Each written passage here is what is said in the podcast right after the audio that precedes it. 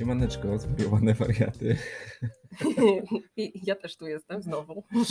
Cześć, dzień dobry, z tej strony Daniel Kotliński, a to podobnie podcast Prosto do Strategii, już trzeci odcinek, także trzymamy się. E, tak, dobrze słyszeliście, nie jestem e, dzisiaj sam. E, ponownie zaprosiłem tajemniczego gościa. Witam. Witam. Może przedstawić się słuchaczom tych, którzy Cię jeszcze nie znają. Yy, żona Zofia, znana już wszystkim. Wszystkim, którzy słyszeli pierwszy odcinek na pewno. Taki twist. Testujemy sobie różne formaty tego podcastu. E, tutaj okazało się, że ewidentnie, e, kiedy jest sparring partner, osoba do rozmowy, do zadawania pytań, e, to jak to ze dwie osoby mi zwróciły uwagę, dynamika jest lepsza. Czytaj, nie zamulam. E, więc, więc stąd pomysł, żeby, żeby znowu Cię Zosiu zaprosić. Strasznie się cieszę, jak to mówią w podcastach. Strasznie się cieszę, że, e, że, że możesz być tutaj ze mną. No, fantastycznie. Ja, ja również zobaczymy, co z tego wyjdzie. Czy, czy pójdzie nam też tak dobrze? Dobrze. Trzeba nadmienić, że Zofia, dla osób, które może jeszcze nie wiedzą, e, nie ma zielonego pojęcia, no może już teraz trochę więcej, no ale Steel jest spoza branży marketingowej i to dobrze, i to specjalnie. Właściwie zwróćcie uwagę na e, jakie strategiczne to jest zagranie. Zastosowaliśmy przy tym podcaście, czyli skoro wszyscy zapraszają ekspertów, żeby z nimi rozmawiać, ja zaproszę nie eksperta, który będzie rozmawiał ze mną. Genialne. How, how e, Zosia jest spoza branży, e, wymyśliła dzisiejszy temat, przygotowała pytania e, i to wszystko po to, e, żeby dać perspektywę osoby, która nie ma o tym większego pojęcia, ponieważ ja chcę mówić o strategii e, bez banałów, bez żargonu, właśnie do osób, które nie mają o tym większego pojęcia, albo mają jakieś pojęcie, ale, ale chciałyby sobie to skonkretyzować. Tak, naszym tematem jest y, dzisiaj to, jakich sposobów, narzędzi używasz, aby zrozumieć konsumentów. I to jest świetny temat. To jest właściwie pierwszy z listy, które przygotowałaś. A lista jest długa. E, lista jest długa. Tak, ja myślałem szczerze mówiąc, że e, będzie mi łatwiej przychodzić wymyślenie tych tematów. Ja się zastanawiam, czemu mi tak łatwo to przychodzi. Jakby w sensie, naprawdę nie poświęcam temu Siada, większość... wymyśla sześć tematów w ciągu pięciu minut like i wszystkie są świetne. E, mówię serio, ale może właśnie dlatego, że nie masz tej klątwy wiedzy tak zwanej. Jakaś to jest klątwa wiedzy? Znaczy domyślam się, co to oznacza, to mhm. sformułowanie. Czyli? No, że właśnie tyle wiem już na ten temat, że, że w sumie nie wiem, czego, czego nie wiem. Tak, albo czego inni nie wiedzą, dokładnie tak. E, więc może, może mi to towarzyszy. Myślę, że eksperci tak mają. eksperci. W sensie osoby, które siedzą długo, nie to, że był jakimś wielkim ekspertem, tak, tak chciałem powiedzieć. E, przechodzimy już do meritum. Dosłownie tylko dwa słowa. Gdybyście chcieli, e, to zachęcam do przesłuchania poprzednich dwóch odcinków prosto do strategii. Jeżeli coś Was zainspirowało, chcecie się podzielić swoją opinią, złożyć zażalenie lub skargę, na miarę do mnie znajdziecie na stronie danielkotliński.pl. E, zachęcam, tam też wrzucam nieśmiało na razie, ale swoje pierwsze wpisy blogowe, mm, także, także, także tam, tam znajdziecie również na miarę do mnie. A przechodząc już stricte do tematu, E, myślę, że jest to super temat, e, głównie dlatego, że dotyka czegoś mega istotnego. Czyli mówiąc krótko, jeżeli zrozumiesz potrzeby konsumentów lepiej niż Twoja konkurencja, zyskujesz przewagę. Także to jest e, banalnie proste.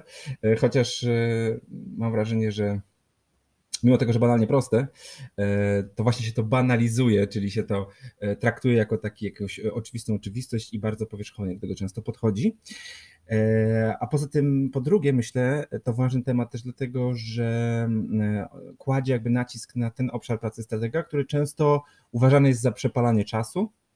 E, praca stratega kojarzy się głównie jakby z wymyślaniem sposobów, sposobów na rozwiązanie problemu, co jest oczywiście prawdą, ale pomija się przy tym fakt, że większość czasu pracy stratega, jego uwagi E, musi być poświęcony na zrozumienie tego kluczowego wyzwania, z którym się mierzy, bo to z tego kluczowego wyzwania wyprowadza te sposoby. Także powiedziałbym, no właśnie często to kluczowe wyzwanie dotyczy w dużej mierze potrzeb i motywacji konsumenta, więc ich zrozumienie, ich poznanie jest właściwie kluczowe do tego, żeby, żeby zrobić strategię, dobrą strategię.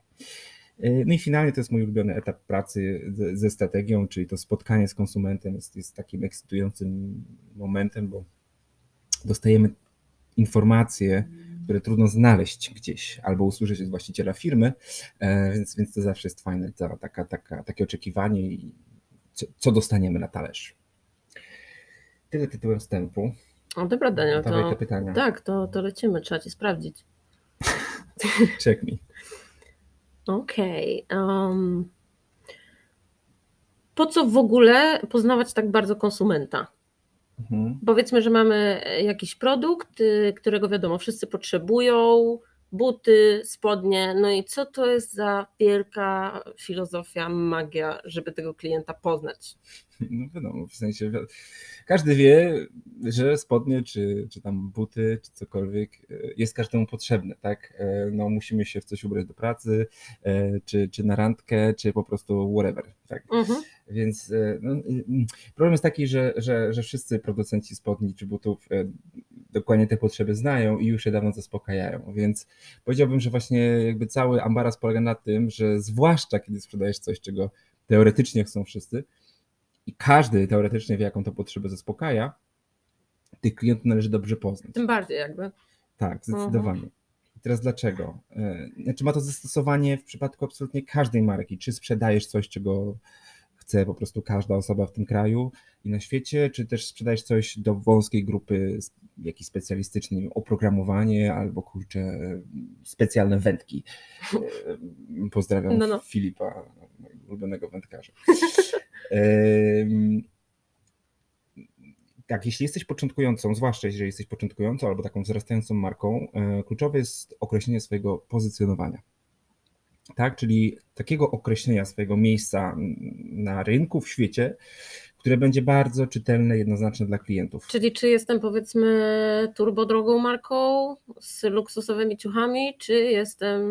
Tak, tak, to, to jest element tego pozycjonowania, tak, okay. czyli, czyli, czyli też e, w jakim, no, w jakiej półce cenowej można Cię e, umieścić, ale oczywiście e, jest tam trochę więcej tych elementów, które to pozycjonowanie Jasne. definiują. Powiedziałbym, że, że cena jest taką wypadkową wcześniejszych założeń. Nie? Mhm. E, w tym sensie, że żadna marka luksusowa nie powinna wychodzić e, od zdefiniowania tego, że no dobra, na pewno jest, będziemy drodzy, tak? A teraz zastanówmy się, jak, jak? E, jak sprawić, żebyśmy byli postrzegani jako luksusowi.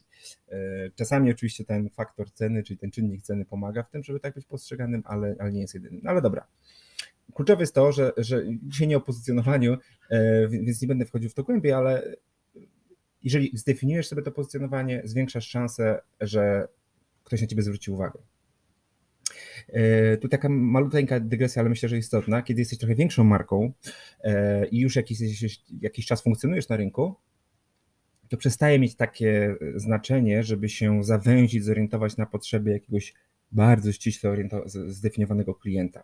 Bo zwyczajnie już się dotarło do jakiegoś grona i... Tak, tak, mhm. tak, dotarło się do jakiegoś grona, dokładnie i e, się uderza w sufit taki jakiś przychodowy, znaczy się w pewnym sensie wydrenowało, tak wy, wy, wiesz, e, wysyciło w pewnym sensie mhm. tą, e, tą grupę i wtedy należy zrobić trochę inny manewr, czyli zwiększać konteksty, z którymi się kojarzymy. To, to jest taka, taka, Poszerzać horyzonty trochę jakby, no. no, no tym odbiorcą, znaczy nawet nie horyzonty, może nie horyzonty, no. no ale wyobraźmy sobie powiedzmy Volvo, tak? To jest taka marka, którą często się przywołuje w takim kontekście, kiedy się mówi o pozycjonowaniu, jako dowód i przykład na to, że pozycjonowanie działa, no bo e, marka Volvo kojarzy się, wiesz, z czym się kojarzy? Z furą. No tak, ale w sensie jaką furą, która co gwarantuje, wiesz? Nie o, wiesz, nie, aż tak super nie jestem w to. Mm, dobra. To samochód po prostu. Tak, Das Auto, to akurat inna marka. BMW. E, Volvo kojarzy się z bezpieczeństwem. To jest taki klasyk też marketingowy, że, że oni przez lata budowali to skojarzenie z tym bezpieczeństwem. Sęk w tym, że w pewnym momencie osiągnęli e, ten segment. Ej, przepraszam, źle powiedziałeś. Das Auto to jest Volkswagen. Dobra. Jednak jestem dobra w to. Dobra, dobra. No, w każdym razie nie to było clue. Sorry. Kiedy y, dzisiaj Volvo to coś znaczy więcej niż tylko bezpieczeństwo, tak? Y, ta marka nie porzuciła swojego pozycjonowania, ale zaczyna się kojarzyć z innymi kontekstami, no, na przykład z autami luksusowymi, powiedzmy, nie? I, i analogicznie, nie? Powiedzmy BMW też nie jest tylko o luksusie, albo też nie jest już tylko furą dla dresiarzy, no nie? To jest to właśnie poszerzanie kontekstów, w których ta marka y, funkcjonuje, i w ten sposób jakby dociera do, do kolejnych mm, grup odbiorców. Okay. Tak tylko tytułem dla takich purystów marketingowych, e, tych, którzy chcieliby podważać sens pozycjonowania, bo, bo, bo jest taki nowy nurt Są i tacy? w marketingu. E, Odważni? Zostawmy to na, na kolejny odcinek. W każdym razie sądzę, że możesz mieć identyczny produkt i nawet dosyć podobną pozycję na rynku, co inni twoi konkurenci, ale jeżeli przemówisz do serca tej samej grupy docelowej, do której chcecie docierać skuteczniej, jakby, to sprawi, że, że oni wybiorą ciebie, nie? E, I teraz chodzi o to, że, że, że ci klienci, o których konkurujesz z pozostałą częścią rynku, mają swoje wyobrażenia o świecie, wiesz, wyobrażenia o sobie samym, e, podejmują albo nie podejmują decyzje z różnych konkretnych powodów, czasami zupełnie kuriozalnych, można powiedzieć. Mają też konkretne jakieś wyobrażenie o, e, czy poczucie estetyki, śmieszą ich jakieś tam konkretne rzeczy bulwersują ich pewne zachowania. W związku z tym zrozumienie, jak to wszystko wpływa na decyzję o wyborze konkretnej marki, jest narzędziem sprzedażowym. Tak, jeśli złapiesz tą relację, podkreślę, bo często taka też narracja w, taka, w takiej sferze edukacyjnej, marketingowej jest taka, że trzeba zebrać dużo danych o klientach. Tutaj nawiązuję do moich ulubionych persons, które tam hejtowaliśmy w pierwszym odcinku. Pamiętam. Tylko zbieramy te dane i nie bardzo wiadomo, co z tym zrobić. Już uzupełniliśmy wszystkie możliwe, wiesz, ściągnięte z internetu takie, mm, takie formatki, takie te matryce. Tam są takie różne pytania, co lubi jeść na śniadanie, jak ma na imię, ile ma lat i jakim autem jeździ. Już to wszystko zbierzemy, tylko jakby nie wiadomo, co z tym zrobić dalej. Więc to, co jest kluczowe w poznawaniu klienta i po co to robimy, to jest zrozumienie relacji, czyli związku między tym jakimś określonym zachowaniem lub cechami, a procesem decyzyjnym. No to się wydaje bardziej wartościowe nawet niż takie suche fakty, jakby nie okien. No, no dokładnie. No. no. bo... Też wiem, że czegoś lubisz i nie lubisz, ale. I tak, i widzisz, to jest, to jest ciekawe, bo yy, zdobywać suche fakty jest dosyć łatwo, stosunkowo. Nie może to jest bardzo proste, ale pogadasz tu z kimś, prawda, coś poczytasz w internecie, pościągasz jakieś tam raporty, nie wiem, coś w ten, coś Tak, może się to sprowadzić do tak lub nie.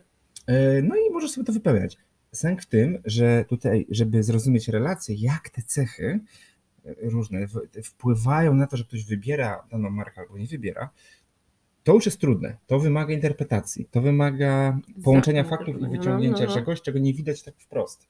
E, więc bardzo rzadko się to po prostu robi. Ludzie, okej, okay, persona wypełniona, tam kwity wypełnione, e, możemy lecieć dalej e, i trochę, trochę zapominamy, po co to właściwie robimy. Więc, więc, więc zbieranie tych danych i dokładne zrozumienie konsumenta, dokładne, dobre, unikalne, dostrzeżenie czegoś, czego nie widzi konkurencja, jest, żeby to zrobić, niezbędne jest e, wejście w świat, e, w świat klienta. I to jest właściwie ten powód, dla którego tego konsumenta warto poznać lepiej niż, niż konkurencja. Nie? No dobra, to taki jesteś super, to, to się trochę podziel i, i zdradź swoje techniki. No, no i powiedzmy, że poza przeprowadzeniem jakiegoś nudnego wywiadu środowiskowego albo rozmowy z właścicielem, który już po raz setny opowiada swoją historię, jak to tysiąc lat temu założył, jak tak dalej.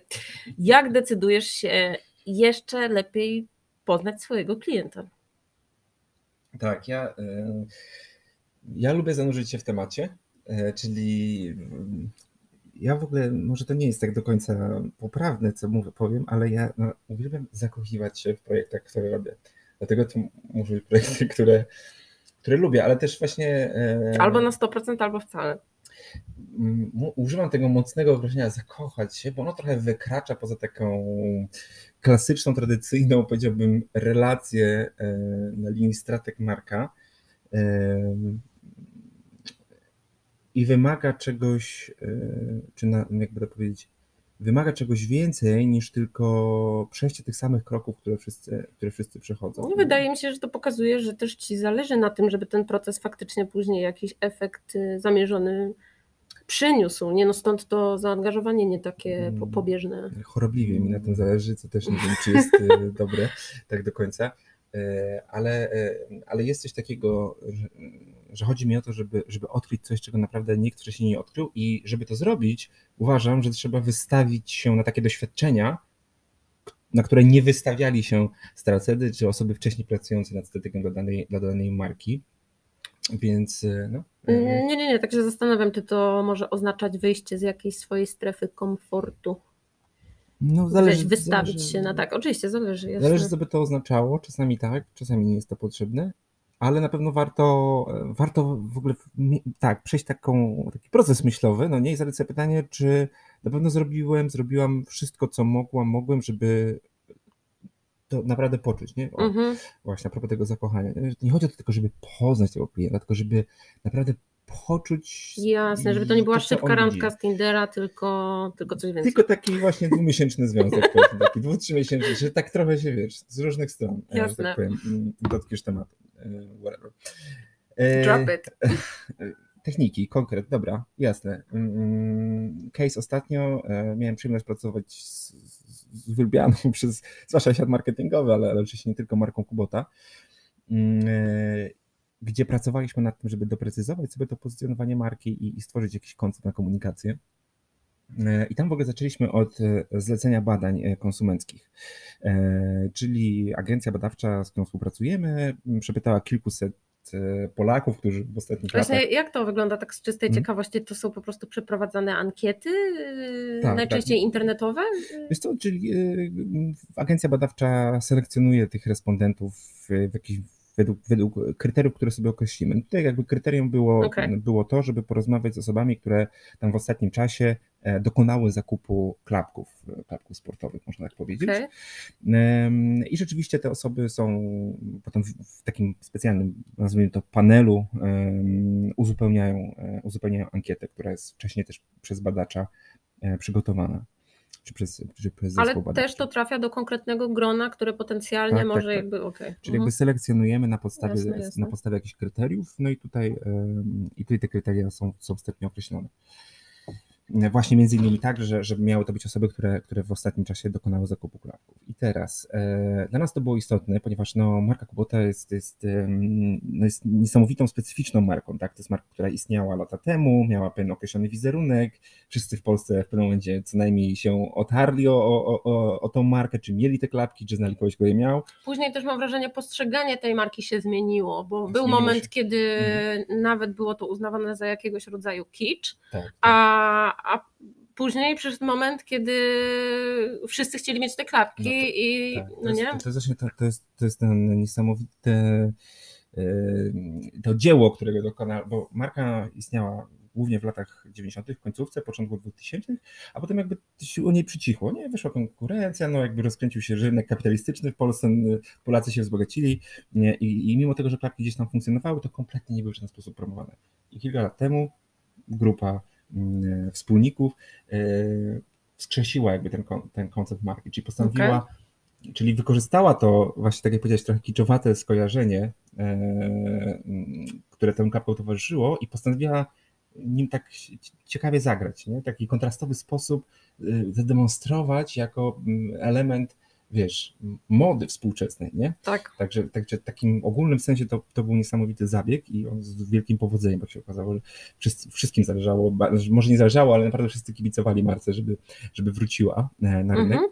Tym niemniej, no więc jakby taki jest ciężar, że tak powiem, jeżeli chodzi o, o skojarzenia z tą marką. Każdy jakieś ma, nie? I, e, więc, więc kiedy Kubota e, przyszła do nas i mm, poprosiła czy jakby dogadaliśmy się w zakresie stworzenia tej strategii, no to czuliśmy, że, że, że te badania są niezbędne, żeby w taki obiektywny sposób na reprezentatywnej grupie spróbować ocenić, wiesz. Czym jest dla ciebie klapek? To, tak, z czym ci się kojarzy, tak, jak Kubata, co cię motywuje do, do, do, do wyboru w ogóle e, klapków takich czy innych. Różne rzeczy tam sprawdzaliśmy. W każdym razie wyszliśmy z taką garścią e, wiesz, obiektywnych informacji i to było fajne, bo to nam posłużyło jako taki wkład do e, przeprowadzenia warsztatów, które zmoderowałem. To razem. był jakiś punkt wyjścia po prostu. Tak, tak, no. tak. Czyli najpierw wiesz, diagnoza, punkt wyjścia, skąd zaczynamy i to nam też pozwala zrozumieć, dokąd zmierzamy, tak? tak. Zrozumieliśmy, jak wiele osób kojarzy markę Kubota, tam ponad 70% się okazało, więc też w odniesieniu do tego ustaliliśmy jakieś cele, do których chcielibyśmy dążyć, o ile chcielibyśmy na przykład zwiększyć świadomość tej marki. Mhm. Więc, więc to był taki punkt wyjścia, żeby, żeby, tych, e, żeby tych konsumentów trochę poznać. Następnie przeprowadziliśmy warsztaty, tutaj między innymi z zespołem Kuboty, mm, e, z, z, Aliną, która e, jest CEO i jest właśnie co-founderką, można powiedzieć, e, marki dzisiaj. I w ramach tych warsztatów złapaliśmy sobie kilka takich ciekawych kontekstów, w których te klapki są wykorzystywane. Porozmawialiśmy sobie o tym, z czym klapki się w ogóle kulturowo ko kojarzą. Nie? Trochę potrążyliśmy takie tematy, y, no nie tylko takie oczywiste z takiego poziomu, co marka oferuje swoim klientom, jak chce być postrzegana. Uh -huh, Chociaż to, uh -huh. też, to, też, to też przerobiliśmy. Po tych warsztatach ja miałem jakieś takie wyobrażenia o marce, ale brakowało mi jakiegoś takiego jeszcze mm, insiderskiego spojrzenia, znaczy po prostu tego, jak klienci Kuboty tę markę postrzegają. Więc e, przygotowaliśmy sobie listę mm, e, rozmówców, którzy w ostatnich latach często dokonywali zakupów. Chciałem poznać spojrzenie takich hardcore kubociarzy, nie? I przeprowadziłem serię takich wywiadów e, i to było mega ciekawe doświadczenie. E, bo praktycznie każda osoba, z którą rozmawiałem, miała jakąś, w ogóle jakąś pasję. Także to było ciekawe, że coś tych ludzi takiego łączy, że to są ludzie, którzy mają jakieś zajawy swoje, nie? Mhm. E, była dziewczyna, która e, ćwiczy kulturystykę na przykład, nie? Okay. Była pani, która morsuje. Był chłopak, który, wiesz, zajmuje się po godzinach fotografią, nie? A, a, a na co dzień pracuje w firmie IT. No różne takie ciekawe historie i naprawdę oni mi opowiedzieli o o, o, swoim życiu, nie tylko o tym, jak.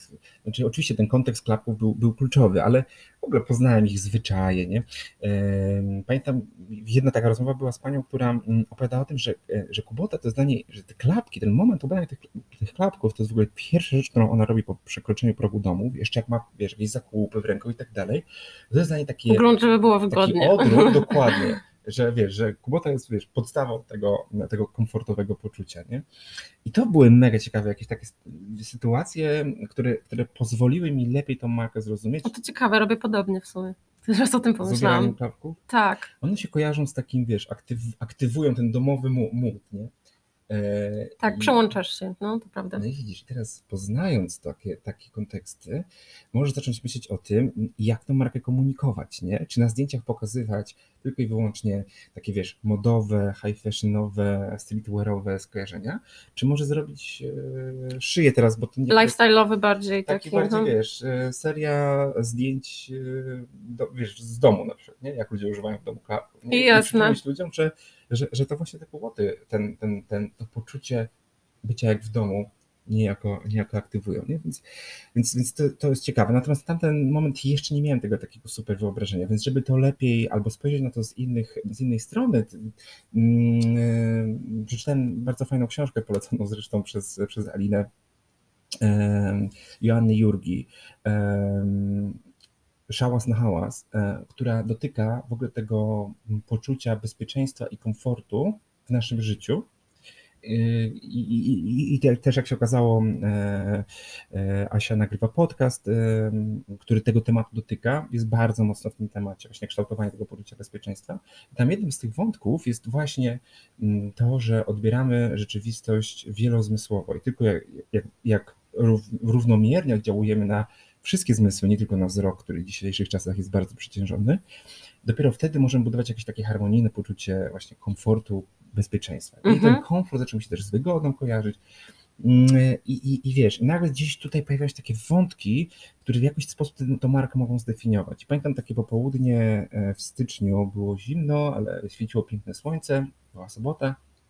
Po prostu wiesz, zastanawiałem się, jak tą strategię złapać i po prostu w pewnym E, złapałem słuchawki, tą książkę Asi Jurgi e, i po prostu poszedłem do Muzeum Narodowego. E, I stwierdziłem, że wiesz, jakby Kubota trochę ma taki właśnie artystyczny mm, podtekst, jakby tam się czai, nie? No, no. Takie nawiązania kulturowe są bardzo ważne w, jakby w komunikacji tej marki, więc stwierdziłem, że Muzeum Narodowe to jest dobre miejsce, żeby się trochę, tak wiesz, poszukać jakiejś inspiracji. Nie wiedziałem do końca, czy czemuś to służy, czy nie, ale wiesz, wrzuciłem sobie na słuchawki taką muzykę relaksacyjną, komfortową właśnie. E, różno tam słuchałem, tam też słuchałem i mocniejszych jakichś rytmów. Jakby patrzyłem, co się ze mną dzieje trochę, nie? I sobie chodziłem, szukałem w różnych obrazach czy rzeźbach takich nawiązań albo jakichś takich nieoczywistych połączeń właśnie z tym kontekstem komfortu, dbałości o swoje bezpieczeństwo. A pamiętam też w pewnym momencie usiadłem sobie na ławce przed obrazem Matejki olbrzymim. I tam nagle klapek kuboty gdzieś w rogu. I ja tak sobie wyobrażałem, nie? czytałem sobie tę książkę, e, patrzę na ten obraz, rozglądam się po ludziach, słucham muzyki, wiesz, doświadczam tego wielozmysłowo, tak dosłownie tego, o czym czytam, nie? I wyobrażam sobie, że dokładnie na, na środku tej sali stoi wielki taki podświetlony monument e, z umieszczonym klapkiem i, i, wyobrażam sobie reakcję ludzi, nie? Jak, jak go oglądają trochę jak ten obraz tego. tego. Więc, e, więc, więc to są wszystko jakieś takie doświadczenia, które nie, to nie jest tylko rozmowa z klientem, tak? I to chcę jakby przez to powiedzieć. Mhm. Bo ja też wiesz, przez dobry miesiąc testowałem te produkty. Znaczy cały czas no, chodzę w klapkach, ale przez taki miesiąc miałem coś takiego, że w różnych miejscach je nosiłem. W pracy na przykład. Każdy miał zahaczam ja te klapki, bo one są specyficzne, bo akurat mówię o klapkach modelu Tech 2.0, zobaczcie sobie, taki mają e, bardzo intensywny kolorowy Tak, w ogóle, nie? no czy są takie mniejsze? Muszę sprawdzić. I, i, i to, i, więc na, to zwracało uwagę, ludzie się zastanawiali, po co to jest, po co to jest.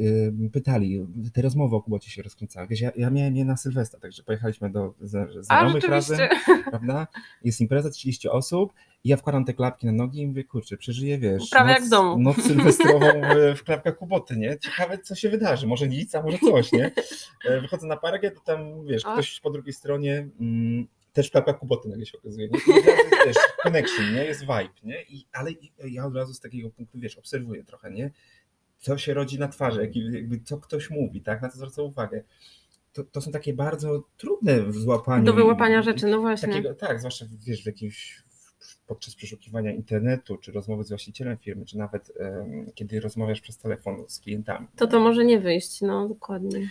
Więc, więc to są te elementy, które składają się generalnie. Ten, potem finalnie pojechaliśmy zaprezentować taką pierwszą wersję tej strategii, więc przy okazji zwiedziliśmy magazyn Kuboty, to było dla mnie ważne. Strasznie mnie ciekawiło, jak pachnie, wiesz, e, jaki zapach nosi się w miejscu, w którym jest 100 tysięcy e, par klapków.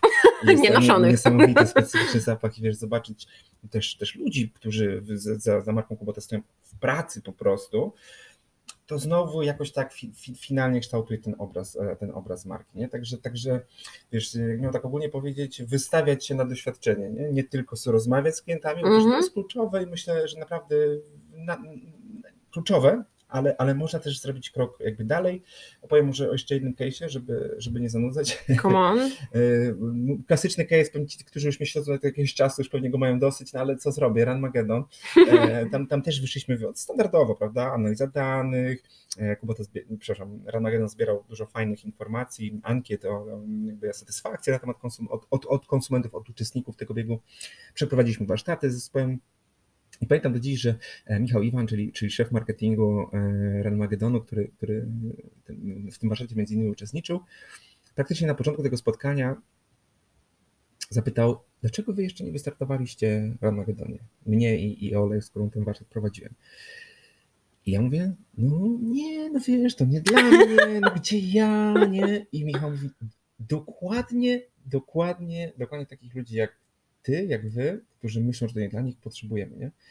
I on miał jakiś taki przebłysk, muszę przyznać, e, geniuszu, gdzie zrozumiał, że ta, jeżeli Armagedon nie zacznie wychodzić z tej bańki. Że to jest właśnie to, już tak jak sobie gadaliśmy, nie? że to jest dla, dla jakichś super wariatów, którzy potrzebują mega emocji, ta planka w błocie i Dokładnie, tak dalej. No, no, no. no to tak długo, jak długo będą w tym, w tym sosie, to tak długo, wiesz, no nie będą mogli specjalnie zwiększyć tej skali. I po, i po tej rozmowie z Michałem, po tym warsztacie, pamiętam, że, e, że, on, że on nas tak triggerował, nie? że musicie wziąć udział, musicie wziąć udział. I w pewnym momencie po prostu nawet nie myśląc o tym, powiedziałem, dobra, startuję, nie? I słowo się rzekło, tak się akurat złożyło, że tydzień czy dwa tygodnie później był rzeczywiście Armagedon w Warszawie zimowy, bo to był styczeń, także największy hardcore jaki mógł być. I zrobiłem to i wystartowałem. E, e, więc wystartowałem z Wojtkiem, kolegą z Huciao, z holdingu, także pozdrawiam Cię Wojtku. Zrobiliśmy to, wariacie. Mm, dla nas obojga to było mega doświadczenie, więc po pierwsze mogliśmy, ja mogłem to przeżyć na swoim skórze, po drugie miałem drugiego gościa obok mnie, który tego doświadczył, więc też z nim o tym rozmawiałem, ale poza tym, wiesz, widziałem twarze tych ludzi, jak one się zmieniały, kiedy oni startowali ten bieg, widziałem w trakcie, widziałem jak dobiegali na metę, e, wiesz, na początku biegu wszyscy, każdy bieg tam albo w swojej jakiejś grupce znajomych, albo, e, albo, e, albo sam, w połowie już tak, wiesz, bliżej, a pod koniec to już, wiesz, jesteśmy po prostu paczką znajomych niemalże, nie? bo, bo, bo przeżyliśmy do piekło razem, więc i tam, wiesz, pomagamy sobie na trasie, no kształtują się relacje, no niesamowity jakby, niesamowity event, także polecam, jeżeli nigdy nie startowaliście. No, pamiętam, jak się wczołgałeś do, do mieszkania po zakończeniu No właśnie, no właśnie, także tak jak powiedziałem, oddziaływanie wielozmysłowe, tak, nie wystarczy tylko pogadać z klientami, czasami trzeba tego dotknąć i poczuć na własnej skórze, bo to wpływa jakby na kształtowanie tej, tej, tej myśli strategicznej, tego konceptu w sposób no, trudny jakby do porównania z takim suchym, wiesz, pójściem, analiza danych, warsztaty, a potem siedzimy się, zmużdżamy w jakiejś e, salce mm, konferencyjnej. Mhm. Kończąc e, odpowiedź już na to pytanie, trochę przydługą, e, może jeszcze jeden case. Swojego czasu przygotowałem strategię mm, dla firmy produkującej fight gear tak zwany, tak, czyli między innymi rękawice bokserskie czy rękawice do MMA. Nie mam o tym kompletnie zielonego pojęcia. Na szczęście właściciele firmy mm, to fighterzy, w sensie wieloletnie osoby, które ćwiczą, więc warsztat z nimi był mega odkrywczy, e, ale też do, mm, do tego warsztatu w pewnym momencie namówiłem, żeby doprosili jeszcze jednego chłopaka, który tam pracował, ale miał właśnie bezpośredni kontakt, no po prostu sprzedawał, tak, miał bezpośredni kontakt z klientami doradzał im też, bo sam też jest e, bokserem, takim półzawodowym niemalże, więc, e, więc też bardzo fajnie e, opowiedział o swojej perspektywie, ale też dla mnie było kluczowe to, żeby, żeby odwiedzić ich w ich biurze, w ich magazynie, bo nawet wiesz, no ubranie tych rękawic, po przymierzaniu różnych, po naparzanie worek, zobaczenie jak one leżą, posłuchanie jak oni, wiesz, opowiadają o różnicach. Nawet tym, jak się nie ma o tym pojęcia. Wiesz, no, zwłaszcza wtedy, dokładnie, już, już ci poszerza trochę to, to wyobrażenie, że tak powiem, o, o, tym, co może być istotne, albo na co może zwrócić uwagę klient, a tam znowu był taki case, że, że tam chodziło o to, żeby tą markę spozycjonować dla osób, które dopiero zaczynają, powiedzmy, swoją, mhm. swoją karierę. No nie tylko, ale, ale powiedzmy, to był istotny jakiś element. Więc znowu, jakby chcę podkreślić, że, bo ostatnio usłyszałem takie pytanie, ktoś mi zadał takie pytanie, mm, skąd brać y, jakby te, te odpowiedzi od tych, jak budujesz tą personę, czy ten profil klienta, czy poznajesz, to skąd brać te informacje, nie? No musisz ruszyć głową trochę, nie? W sensie to jest, to już wtedy mm -hmm. zaczyna się twoja, twoja kreatywna robota i to od tej kreatywności często zależy, y, często zależy mm, to, jakie informacje uzyskasz, więc nie ma jakiegoś super sprawdzonego przepisu na to i tak jak powiedziałem, jeżeli twój sposób na pozyskanie tych informacji będzie no w efekcie da ciekawsze, głębsze informacje niż ma twoja konkurencja, no to masz szansę stworzyć, no prześcignąć ci w jakimś sensie. Pozyskaj informacje, ale jak to robisz? No Feel wiesz, free. No więc właśnie, no więc właśnie. Nie? Dobra. What's next, Chief? Yy, szefie, pytanie numer trzy. Najbardziej unikalna historia marki, z jaką przyszło Ci się spotkać podczas mhm. Twojej pracy nad strategią marketingową od razu powiem, że nie musisz wymieniać jej z nazwy, możesz mhm. jedynie nam tu przybliżyć branżę i zachęcam, y, za, zachęcam, zachęcam Cię do, y, do wspomnienia jakichś śmiesznych, różnych historii. Coś, co pamiętasz tutaj, Teges?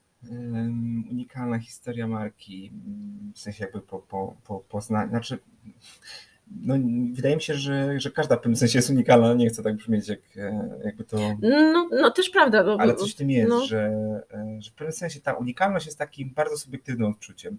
Ja najbardziej lubię, jak przychodzą klienci i mówią, nie, no nasza marka to jest taka, wiesz, specyficzna, nie? E, albo, że jeszcze lepiej, się, my się niczym nie wyróżniamy.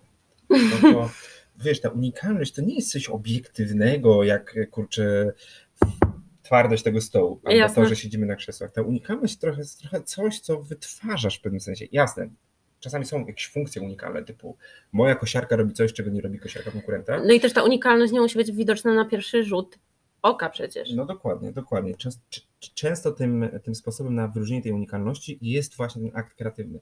E, no dobra, ale tak jakby no poza tym Ramagedonem, który jest bardzo, bardzo wyrazisty, wiesz, bo on zadziałał tak wielozmysłowo, można powiedzieć, nie? Tak. tak nie, nie, dało się tego zrobić trochę, że tak, no, trochę tam, nie wiem, dość, zamówię wasz produkt z internetu, no to można powiedzieć, że, że doświadczyłem bycia klientem. No nie, no tutaj nie dało się tego sfejkować, także ta, wiesz, ta kąpiel w tym, w tym stałej wypełnionym lodem po prostu, wiesz, ból mięśni, który trwał później przez dwa tygodnie.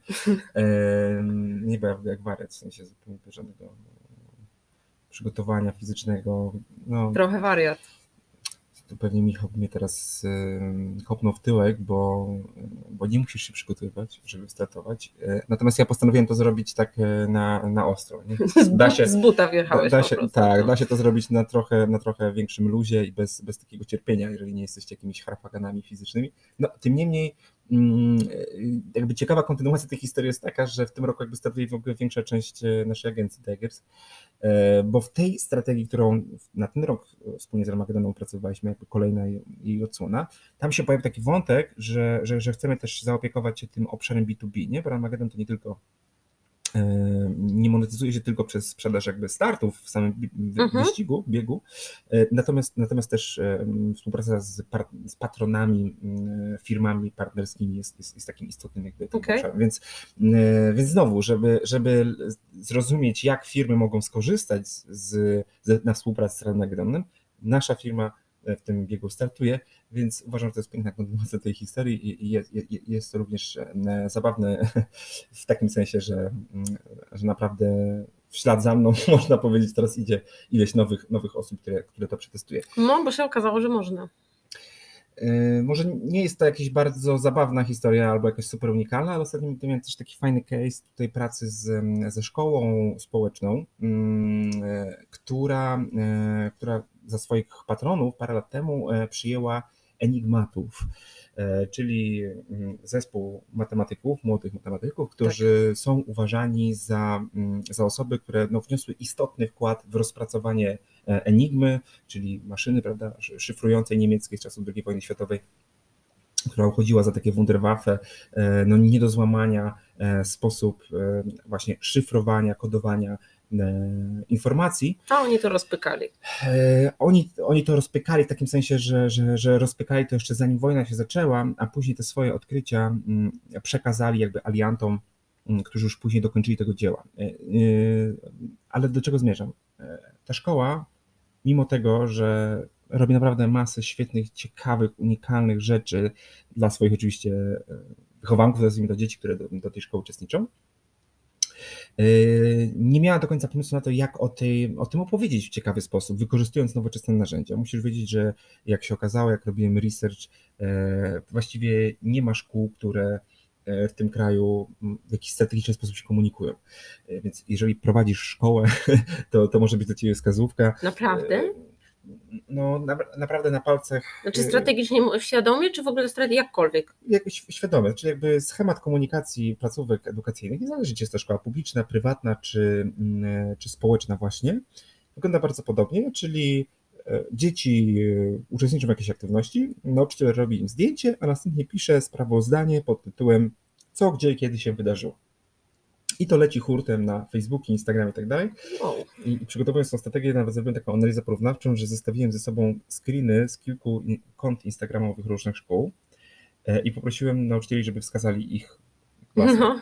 No i oprócz tego, że no, część z nich kojarzyła po prostu tak. twarze dzieci, więc widzieli, to poza tym naprawdę nie byli było, w stanie. było wyzwanie, bo jak się okay. okazało, że jak na to patrzysz z pewnej odległości, wszystko wygląda identycznie, nie? E, więc, no tak, czyli się nic nie wyróżnia. Więc, więc myślałem sobie, kurczę, to jest fajne, bo nisko wiszą owoce, czyli jeżeli naprawdę włożymy pewien stosunkowo nieduży wysiłek e, w to, żeby tę placówkę wyróżnić, to możemy zauważyć fajne, bardzo wyraźne efekty. Więc ja niedawno zakończyłem pracę nad tą strategią, zobaczymy, jak ona będzie wdrażana. Tym niemniej, znowu, żeby lepiej zrozumieć, o co chodzi z tymi patronami, jak oni się mają do dzisiejszej, współczesnej działalności i tego, czym szkoła się zajmuje i co oferuje, ja postanowiłem po prostu pochłonąć wszystko, co udało mi się znaleźć na YouTubie na temat Enigmy. Nie? Poza tym lubię historię, taką historię, można powiedzieć, popularną, naukową, więc, więc, więc, dla mnie to był idealny pretekst, żeby poznać jakiś kolejny prawda, obszar, o którym miałem niewielką wiedzę, e, a, a przy okazji mm, miało się to przysłużyć do pracy. Przepraszam. Jak pewnie część z Was pamięta z pierwszego odcinka, nagrywamy tak naprawdę w trójkę. Nasz e, rudy sapacz, krążownik e, daje sobie znać. Ciekawe, czy to było słychać. No dobra, ale co z tą enigmą? Słuchaj, skonsumowałem wszystko, co było możliwe, na sucho, że tak powiem, ale czegoś mi brakowało, znowu. tego doświadczenia, prawda? Więc pojechałem do Poznania, w którym znajduje się muzeum można powiedzieć, takie nowo, bardzo nowoczesne, multimedialne muzeum, więc śmiesznie nazwać to muzeum, bo Byłam tam z tobą. niewiele ma wspólnego z, z Muzeum Sensu Stricte. Tak, byliśmy tam razem, e, to fakt. Ja tylko, no ja szybciej zwiedzam muzea właściwie. Tak, ja, ja mam specyficzne podejście. No, no to ja musiałem obejrzeć wszystko z każdej strony. W Poznaniu jest muzeum, słuchajcie, zachęcam, jeżeli go nie widzieliście, bo jest genialne, absolutnie, to w sensie na skalę myślę, że europejską. Y, opowiadające tą historię enig enigmatu właśnie w taki, w taki bardzo multimedialny sposób, więc, więc znowu masz to doświadczenie wielozmysłowe, nie? Tam możesz usiąść, poklikać, porozwiązywać szyfry, widzisz filmy y, jakby z opowiadające fragmenty tej historii, e, wiesz, widzisz fragmenty dokumentów, no, no po prostu cały przekrój, także e, że, żeby to, mówię, żeby się naprawdę zanurzyć w tej historii, ja nawet jeszcze nie wiedziałem, co będzie istotne, co nie będzie istotne, uznałem, że muszę dobrze tą historię poznać. Wychodząc z tego muzeum, kupiłem sobie jeszcze książkę, e, biografię Maksymiliana Ciężkiego, czyli, mm, o Boże, teraz nie pamiętam, oficera, czy w każdym razie takiego przełożonego tych enigmatów, mhm. który, który stworzył tą, tą, tą komórkę biura szyfrów i dowodził nią. I odkryłem tam kilka bardzo ciekawych faktów, które finalnie udało mi się powiązać z tym też, co szkoła dzisiaj robi. Już nie będę wchodził w szczegóły, ale jednym z zasadniczych, to co zwróciło moją uwagę to fakt, że kiedyś szyfry do czasów enigmatu właśnie łamało się technikami lingwistycznymi, znaczy zakładało się, że, że szyfr, łamanie szyfru jest domeną jakby językoznawców. Mhm. I, i, I to to coś takiego rewolucyjnego, co, co Polacy dokonali, czego absolutnie nie można im odebrać, co jest bezdyskusyjne, to oni zamiast lingwistyki zaczęli stosować matematykę do tego, żeby te szyfry łamać. I dzisiaj się to wydaje oczywiste, ale wtedy to była kompletna rewolucja, to była zmiana paradygmatu, sposobu myślenia o tym, jak się, jak się robi pewne rzeczy. I oni podważyli pewną oczywistość. I, i, I na przykład z tego faktu zauważyłem, a z kolei szkoła, dla której pracowałem, e, od paru lat e, bazuje w, w nauce w metodzie nauczania dzieci na myśleniu krytycznym. Nauczyciele przechodzą specjalne szkolenia, tam są organizowane regularnie, wiesz, jakby konferencje z tym mhm. związane, wykłady. Wciągnięci są w to nauczyciele, mm, kadra. Bardzo to jest żywe. I pomyślałem sobie, że to jest jak żywo dowód, jakby powiązanie, rozumiesz, jakby nawiązanie tej z historii, to takie tak. myślenie krytyczne stosowane przez enigmatów, wiąże się z tym, co dzisiaj ta szkoła robi. Nie? Zmiana podejścia. Więc Aha. to jest jeden z kilku faktów, które udało mi się w taki zgrabny, naturalny sposób powiązać z tym, co dzisiaj szkoła zrobić i, i w związku z tym przełożyć to na jakiś sposób komunikacji. Więc to jakby pokazuje, że, że dobre zrozumienie tematu, z którym obcujesz, pierwsze jest możliwe, nawet jeżeli nie jesteś specjalistą, bo czasami się zdarza, pamiętam, na warsztacie kiedyś wchodzimy, e, taka specjalistyczna, technologiczna usługa, pierwsze pytanie uczestnika warsztatów, no jakie macie doświadczenia w pracy z taką branżą jak my?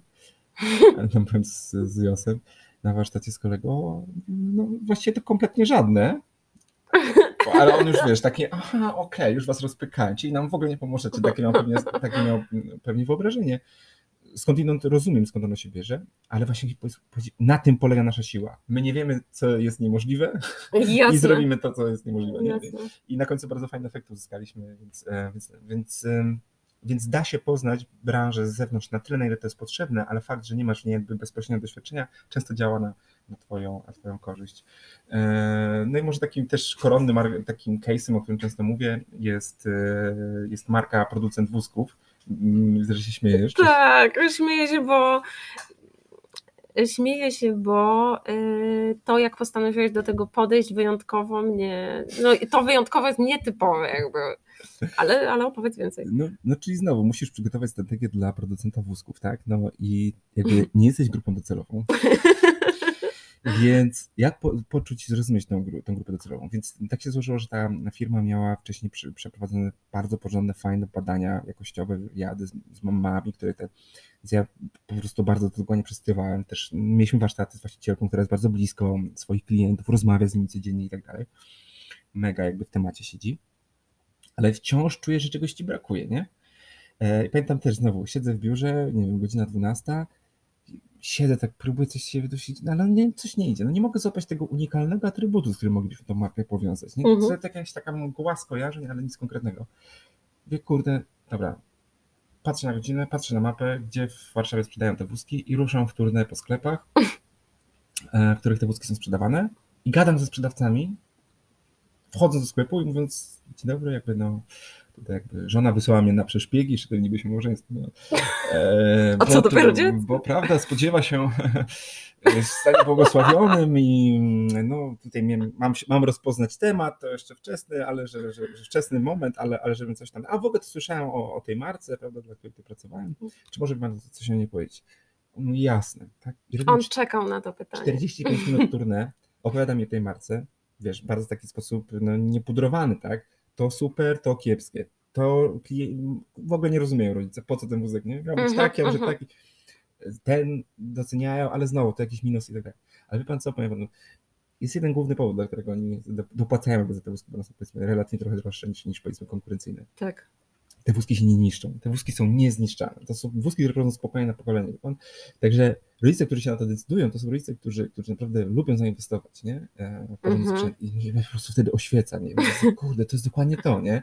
Że spośród tych różnych atrybutów, które zajmują ich konkurenci, ten związany z wytrzymałością jest jakoś tak nie, jakby mało o nim się mówi, nie? I, I to jest super, bo możesz powiedzieć o tym wózku, że jest ciężki albo niewygodny, a możesz go zakomunikować jako mega wytrzymały. Solidny, I nagle jak o tym, tak, nie? Solidny. Więc jak o tym nagle mówisz w ten sposób, to się okazuje, że e, no, że to ma sens. Opowiedziałem też o innych wózkach, więc, więc też zrozumiałem mówiąc grubsza, jak, jak konkurencja działa. Więc, y, więc to są takie case'y. Y, zachęcam jakby do przekraczania, jak to powiedziałeś, swojej strefy komfortu, do, do, do, do, do poszukiwania tych informacji, które nie są tak łatwo dostępne na wyciągnięcie ręki. Super, okej. Okay. E, no to właśnie, no przekraczanie swoich stref komfortu, to do czego jeszcze byłbyś gotowy się posunąć, no, no. aby lepiej zrozumieć klienta. No i powiedzmy, że dobra, Run Magedon był czymś e, szalonym, mhm. jak na ciebie to już w ogóle. Dzięki. Ale, ale czy myślisz, że to jest jakby twój maks i niech będzie, pozwólmy sobie tu na, na siłę wyobraźni, zapominając na chwilę jakby wiesz o, o realiach. Znaczy, myślę, że ja bym był gotów na graniczne doświadczenie, co start w Ranmagedonie tylko udowadnia. E, start w tym Ranmagedonie z powodu lepszego poznania klienta. Tak? Dobra, dobra, to, to mm. jakiś przykład. Nie wiem, no powiedzmy, marzy mi się taki wywiad ze złodziejem, który napadł na bank, e, takiego, którego jeszcze policja nie złapała, e, albo no może hakerem, który, nie wiem, wykradł miliony dolarów, nie? E, może dla jakiejś firmy, która zajmuje się bezpieczeństwem. Okej. Okay. Więc, więc to tak. E, no nie wiem, pojechałbym w trasę tirem z kierowcą taką Alright. tygodniową, a może weekendową, nie wiem na ile to byłoby możliwe, ale wiesz, żeby poznać blaski i cienie takiego życia, e, życia w trasie. Okej. Okay. No to można sobie wyobrazić, no, firma, nie wiem, oferująca fotele albo jakieś masażery, czy w ogóle taki ekwipunek, powiedzmy, wspomagający życie na trasie. Dobre, nie wpadłabym na to, no. no może firma logistyczna, jeżeli, jeżeli, jeżeli mnie słuchacie, to taką firmę zachęcam. Nie wiem, czy to byłoby uzasadnione, ale, ale, ale dlaczego nie? Albo wiesz, no nie wiem, spędzić dzień jako, mm, jako praktykant w, w firmie, wiesz, jako prawa ręka, nie wiem, prezesa międzynarodowej korporacji, mhm. albo nie wiem, jakiejś osoby decyzyjnej, która właśnie podejmuje decyzję w obszarze, nie wiem, zakupu jakiegoś oprogramowania czy czegoś tam w stylu B2B, nie? Że, poznać tutaj. Że tak jakby mhm. zatrudniasz się na jeden dzień w tej, w tej firmie, która jest takim, wiesz, idealnym nabywcą e, usługi, którą promujesz i zobaczyć, jak wygląda ich życie, nie? W środku, w tym biurze. To, to, to, to mi się też wydaje jakiś taki ciekawy. W ogóle chodzi mi to już od dłuższego czasu po głowie, zastanawiam się, kiedy będę mógł to gdzieś e, przetestować. Okay. Znaczy nawet taki wyjazd, wiesz, ze sprzedawcą po prostu, z, zwykłym sprzedawcą, e, który no, rusza w Polskę, w trasę, e, ma do objechania swoich stałych klientów, mm, też mi się wydaje jakimś takim fajnym motywem. W ogóle teraz jak o tym myślę, to, to różne takie motywy z, z, z wyjazdem w trasę mi się mnie jakoś, mnie jakoś Ale no bo to poniekąd się z tym też trochę wiąże, no bo to nie jest tak, że wszystko masz na miejscu. Czasem właśnie trzeba, trzeba wyruszyć dalej. No, więc, więc no nie, a może, może ty masz jakiś pomysł, jak mógłbym lepiej poznać specyfikę twojej branży, yy, gdybym, załóżmy, musiał stworzyć strategię dla twojej firmy. O, ale teraz dałeś, tego się w ogóle nie spodziewałam, żeby nie było, jakby nie przeczytałam nawet, że to masz gdzieś tu w zanadrzu. E, jak mógłbyś lepiej poznać specyfikę mojej branży? Hmm. No myślę, że, że dzień w mojej firmie to jest w ogóle must have, jakby, ale to tak, że wiesz, po, po parę naś tak, żebyś zdążył oblecieć każdy dział, bo Albo każdy nawet oddział, nie? W różnych miastach. Albo każdy, dokładnie tak, bo pracujemy, każdy jest potrzebny na innym etapie, że tak powiem, tak? Zespół transakcyjny, zespół developmentu i tak dalej, ale gdzieś finalnie no bez jednych my nie będziemy mieli na przykład co sprzedać, nie? jeżeli mhm. tam się nie wybudują, więc no, wszystko to jest od siebie zależne, więc żeby to jakoś gdzieś też zrozumieć i skumać. Kurczę, dzień na budowie na przykład, albo takie turne Stare, a w magazynie? Dzień w e, magazynie? Czy, czy, z szefem budowy, no właśnie, dzień w magazynie, to, to są wszystko super, super case'y, no i widzisz, no. E, widzisz, co się tutaj dzieje? Widzisz, Szaleństwo. No tak, ale że już jakby nawet nie mając tym większego pojęcia, już gdzieś tam coś ci świta, e, więc jestem przekonany, że tym bardziej, jeżeli reprezentujecie firmy, pracujecie w firmie, która nie jest wasza i odpowiadacie jakoś za ten obszar strategii, to w ogóle zadajcie sobie pytanie, kiedy ostatnio um, przeszliście tą ścieżkę zakupową, którą przechodzi wasz klient, nie? klient, do którego docieracie. E, to to może być w ogóle dobry start, żeby pójść do sklepu i kupić produkt, który promujecie. E, to wciąż nie jest takie super oczywiste. E, no, dobra. Coś, coś tam jeszcze masz? No przecież, y, że raczej tak. Wiesz co, spoglądam na zegarek, żeby ludzi nie zanudzić. Dajmy sobie jeszcze 10 minut, żeby zamknąć się w godzinie. Dobra, to lecimy.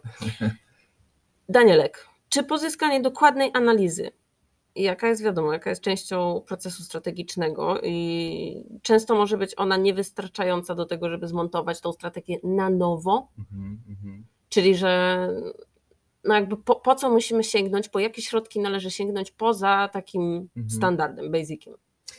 Okej, okay. E, jeśli dobrze rozumiem pytanie, na marginesie nie znoszę, jakimś to mnie Danielek, ale o. teraz, teraz cały świat się o tym dowie. E, ale dobra, lecimy. No. Mm, znaczy, mi się wydaje tak, że często niewystarczające jest poprzestanie na samym przeglądaniu sieci, na tak zwanym desk researchu. To jest bardzo użyteczne, bardzo pomaga. Często dużo rzeczy możemy się dowiedzieć, ale mamy też czasem takie założenie, że po analizie tego, jak marki nie wiem, się komunikują, odkryjemy odpowiedzi na wszystkie pytania świata. To mi się też czasem zdarzyło ze dwa razy, czyli gdzieś tam rozmawiam z markami i one zakładały, że jak ja przeanalizuję, jaki konkurencja się komunikuje, co wrzuca do mediów społecznościowych i w ogóle jak duży jest rynek, to znajdę odpowiedź na pytanie, yy, jaki model biznesowy warto przyjąć. Nie? I nie, nie chcę cię zanudzać, ale nie, tak mi się słowo, wydaje, że, że, e, że nie da się tej informacji tak łatwo pozyskać i więc po prostu pamiętajmy o tym, że dostęp do danych tak zwanych zastanych e, daje ograniczony wgląd w rzeczywistość zakupową waszych klientów. Tak, a druga rzecz to, że no najlepiej nic nie zakładać. Nie? nie no, nie do końca. Jednak czasami, znaczy musisz przyjąć jakieś założenia, tak? Tak zwane hipotezy. No tak, e, ale nie, że ktoś, że coś komuś będzie wystarczyło, że ktoś coś a, będzie jasne, wiedział jasne. w tym sensie, nie? Czyli nie, nie, nie, nie uprzedzać się no, exactly. albo nie zakładać, że my wiemy, absolutnie. Tak, to, tak, tak jest, tak, tak. To, jest, to jest w ogóle pierwszy krok do zguby. E, podobna kwestia jest z badaniami znowu, czyli jakby na drugim spektrum. Mówię, dobra, no ja nie robię desk researchu, zlecam badania, tylko spotykam się od czasu do czasu z takim podejściem, że nieważne jaki problem, nieważne na jakim etapie tworzenia strategii jesteś, nieważne na jakim etapie rozwoju jest firma, zróbmy badania, jest takie, e, takie zrzuca taki ciężar odpowiedzialności, nie? że robimy te badania i mamy zabezpieczony temat e, diagnozy.